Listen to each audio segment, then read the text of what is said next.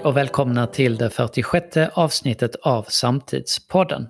Podden som ger dig en sammanfattning av nyhetsveckan. Jag heter Anders Minner och med mig, precis som vanligt fast vi är på länk, finns Jasmin Orhan Moder. Ja, jag är här. Och det är som ni vet krig i Europa. Det har gått en månad sedan Rysslands terrorangrepp på Ukraina inleddes. Det är en humanitär katastrof av ofantliga mått vi ser framför oss. Idag när vi spelar in det här är det torsdag, klockan är 14. Zelenskyj har precis pratat via länk till Sveriges riksdag och vi har pågående NATO, G7 och EU-möten med Joe Biden som gäst. Ytterligare sanktioner är på väg. Just nu så vet vi inte riktigt hur de ser ut, men det vet ni imorgon när ni lyssnar på detta i fredag. Skulle, skulle vi gissa i alla fall. Ryssland är på god väg ner i ett Sovjetliknande tillstånd, snabbt ökande förtryck för medborgarna i landet och kontinuerligt kväsande av mänskliga rättigheter.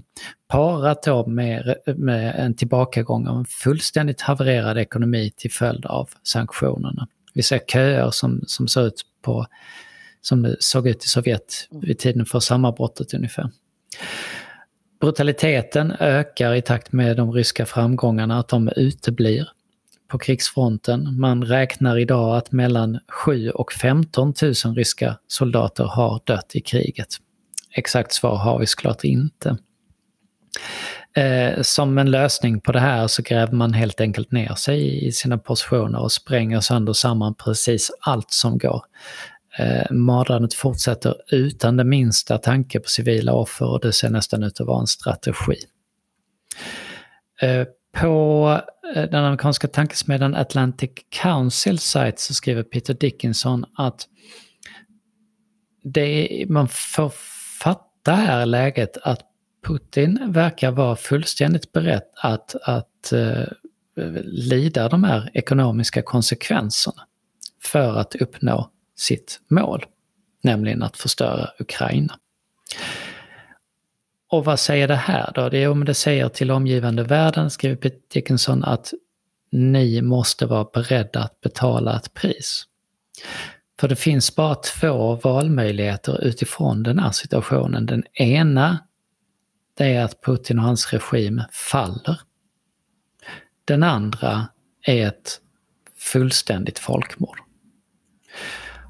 Och om regimen ska falla och den inte faller på grund av att andra länder går in och krigar så måste de här restriktionerna, sanktionerna mot Ryssland bli så hårda att även vi då kommer drabbas av dem. Mm. Och här ser man ju då på, på eh, till exempel Tyskland att, att ja, men vi behöver ju den här energin som kommer från, från Ryssland så vi kan liksom inte bara säga klippa banden helt för då kommer vi lida alldeles för mycket. Men i andra vågskålen har vi då det här pågående folkmordet. Mm.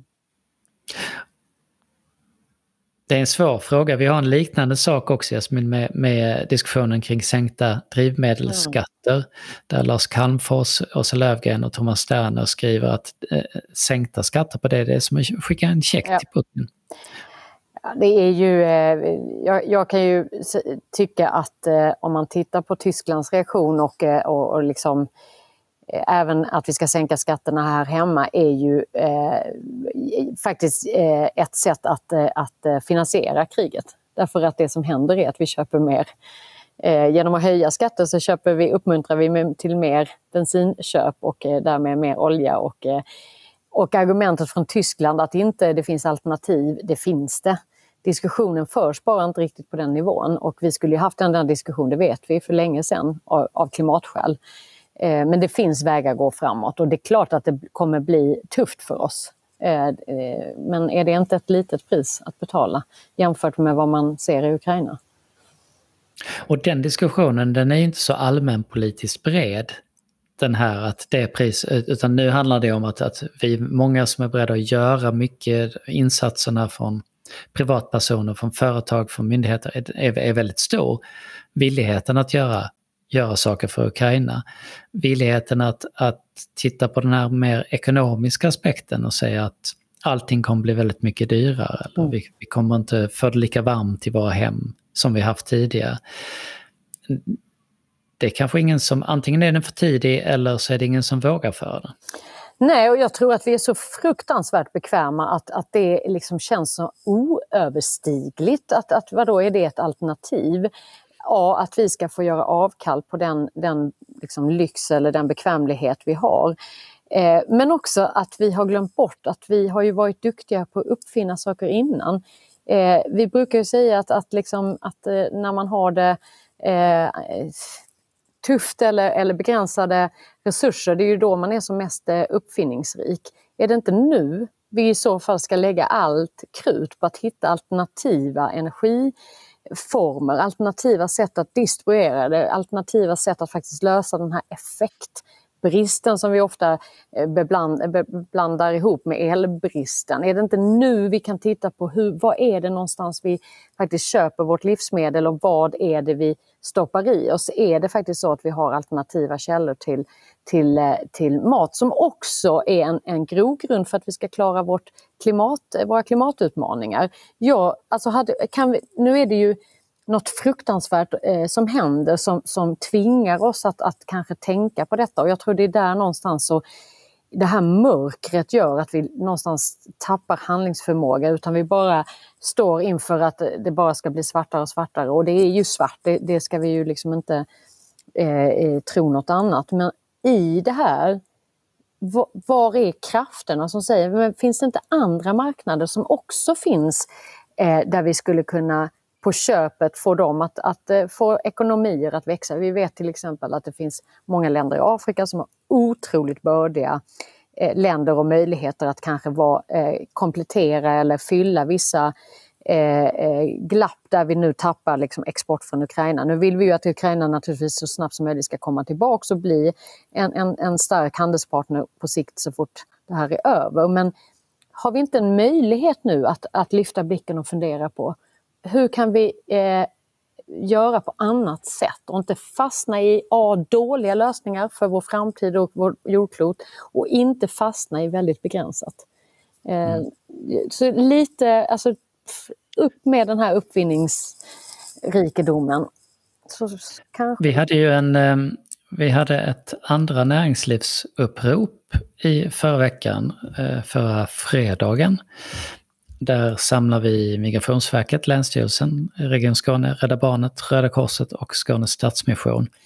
Och förde samman dem med ett 60-tal eh, representanter från det skånska näringslivet.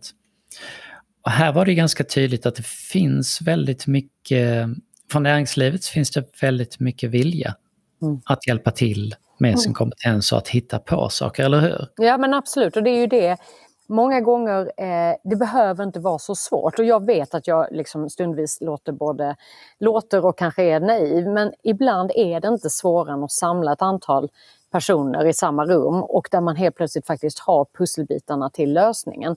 Här var det, hade vi, 80 stycken samlade på länk och, och fysiskt och alla de här organisationerna som du nämnde. Många av dem har aldrig träffats, inte mellan sektorerna och inte eh, tvärs eh, över sektorerna heller. Och det räckte ju med att några stycken helt plötsligt började prata med varandra och där man ser att men herregud, jag kan ju lösa en effektivitetsproblematik eh, eh, i hur man synkar ansökningar från volontärer till exempel till att matcha. Eller andra lösningar som, som ingen har tänkt på. Man lever i sina bubblor. Det är ju inget, det är inget konstigt att vi lever i våra bubblor och framförallt i sådana här situationer. Alla är superstressade, alla försöker bara göra det man själv är bäst på. Men om vi börjar bara koncentrera oss på det och ta hjälp av de som är bra på annat, då tror jag att vi kommer otroligt långt. Och mm. som du säger, det, fann, det, finns ju också ett enormt eh, både vilja och kunskap att vara med och lösa eh, de här problemen. Det är en svartmålning som jag ser just nu. Alltså, för jag menar, någonstans ska vi inte glömma att det är svart, det är det. Men vi behöver inte heller förvärra det. När, vi liksom, när rubrik efter rubrik skriver hur problematiskt vi kommer få det för vi kommer få höjda bränslekostnader och högre livsmedelskostnader, då ska man ändå tänka att vi lever i ett ganska rikt land. Det är inte så att vi kommer, liksom, i alla fall inte på väldigt kort sikt, ha det väldigt mycket sämre. De som skriker högst är ju dessutom de som överhuvudtaget inte behöver bekymra sig över om de får köpa lite mindre, vad det nu är, oxfilé. I don't know, nu raljerar jag, fattar det. Eller behöver inte köra suvarna fullt så mycket. Och sen ser man också ett par eh, typiska eh, reaktioner, med typiska reflexmässiga överreaktioner. Vi har regeringen som säger att vi, ja, men nu måste vi genast stänga Öresundsbron igen och kolla alla människor på pass, vilket man ja, gjorde i flyktingkrisen ja. eh, 2015. I eh, Sydsvenskan så skriver Moa Berglöf att eh, Thomas Eneroth säger att, att han har förståelse för att det här blir en olägenhet för alla som pendlar över Öresund.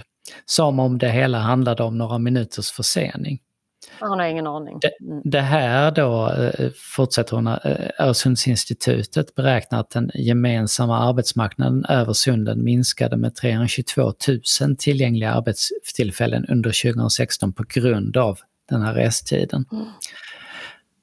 Och, och, där ser man ju den här att man vet inte. Man, har ingen aning. Man har ingen, ingen aning vad det innebär överhuvudtaget. Man vill gärna göra det för att man vill gärna man ska ha göra, det. Ja. Man, man, vill gärna ha det så här från början. Alltså det, det, jag tror att det stör mm. Eh, ja, men det stör. Det man, man kan åka mellan två länder utan att bli visiterad. Och ska vi vara liksom, om man inte hade eh, trott, eller höll jag på att säga, om man inte hade vetat bättre, eller, eller så är det så. Så man trott att, att man blir lite avundsjuk på att vi kan göra det här nere. Jag vet inte, men det finns ingen logik i det. Överhuvudtaget. Det är tondövt, det är, det är Ja, det, är, det är faktiskt det provocerande att man sitter eh, i Stockholm och bestämmer någonting som man inte har en aning om. Och det har ingen effekt. Alltså det är, det är så dumt på så många sätt. Så de, jag bara hoppas att någon lyssnar och bara, det här, jag vet inte när vi ska göra uppror så kanske det är tillfälle. För det här är så, det är signalpolitik också som är idiotisk. Mm.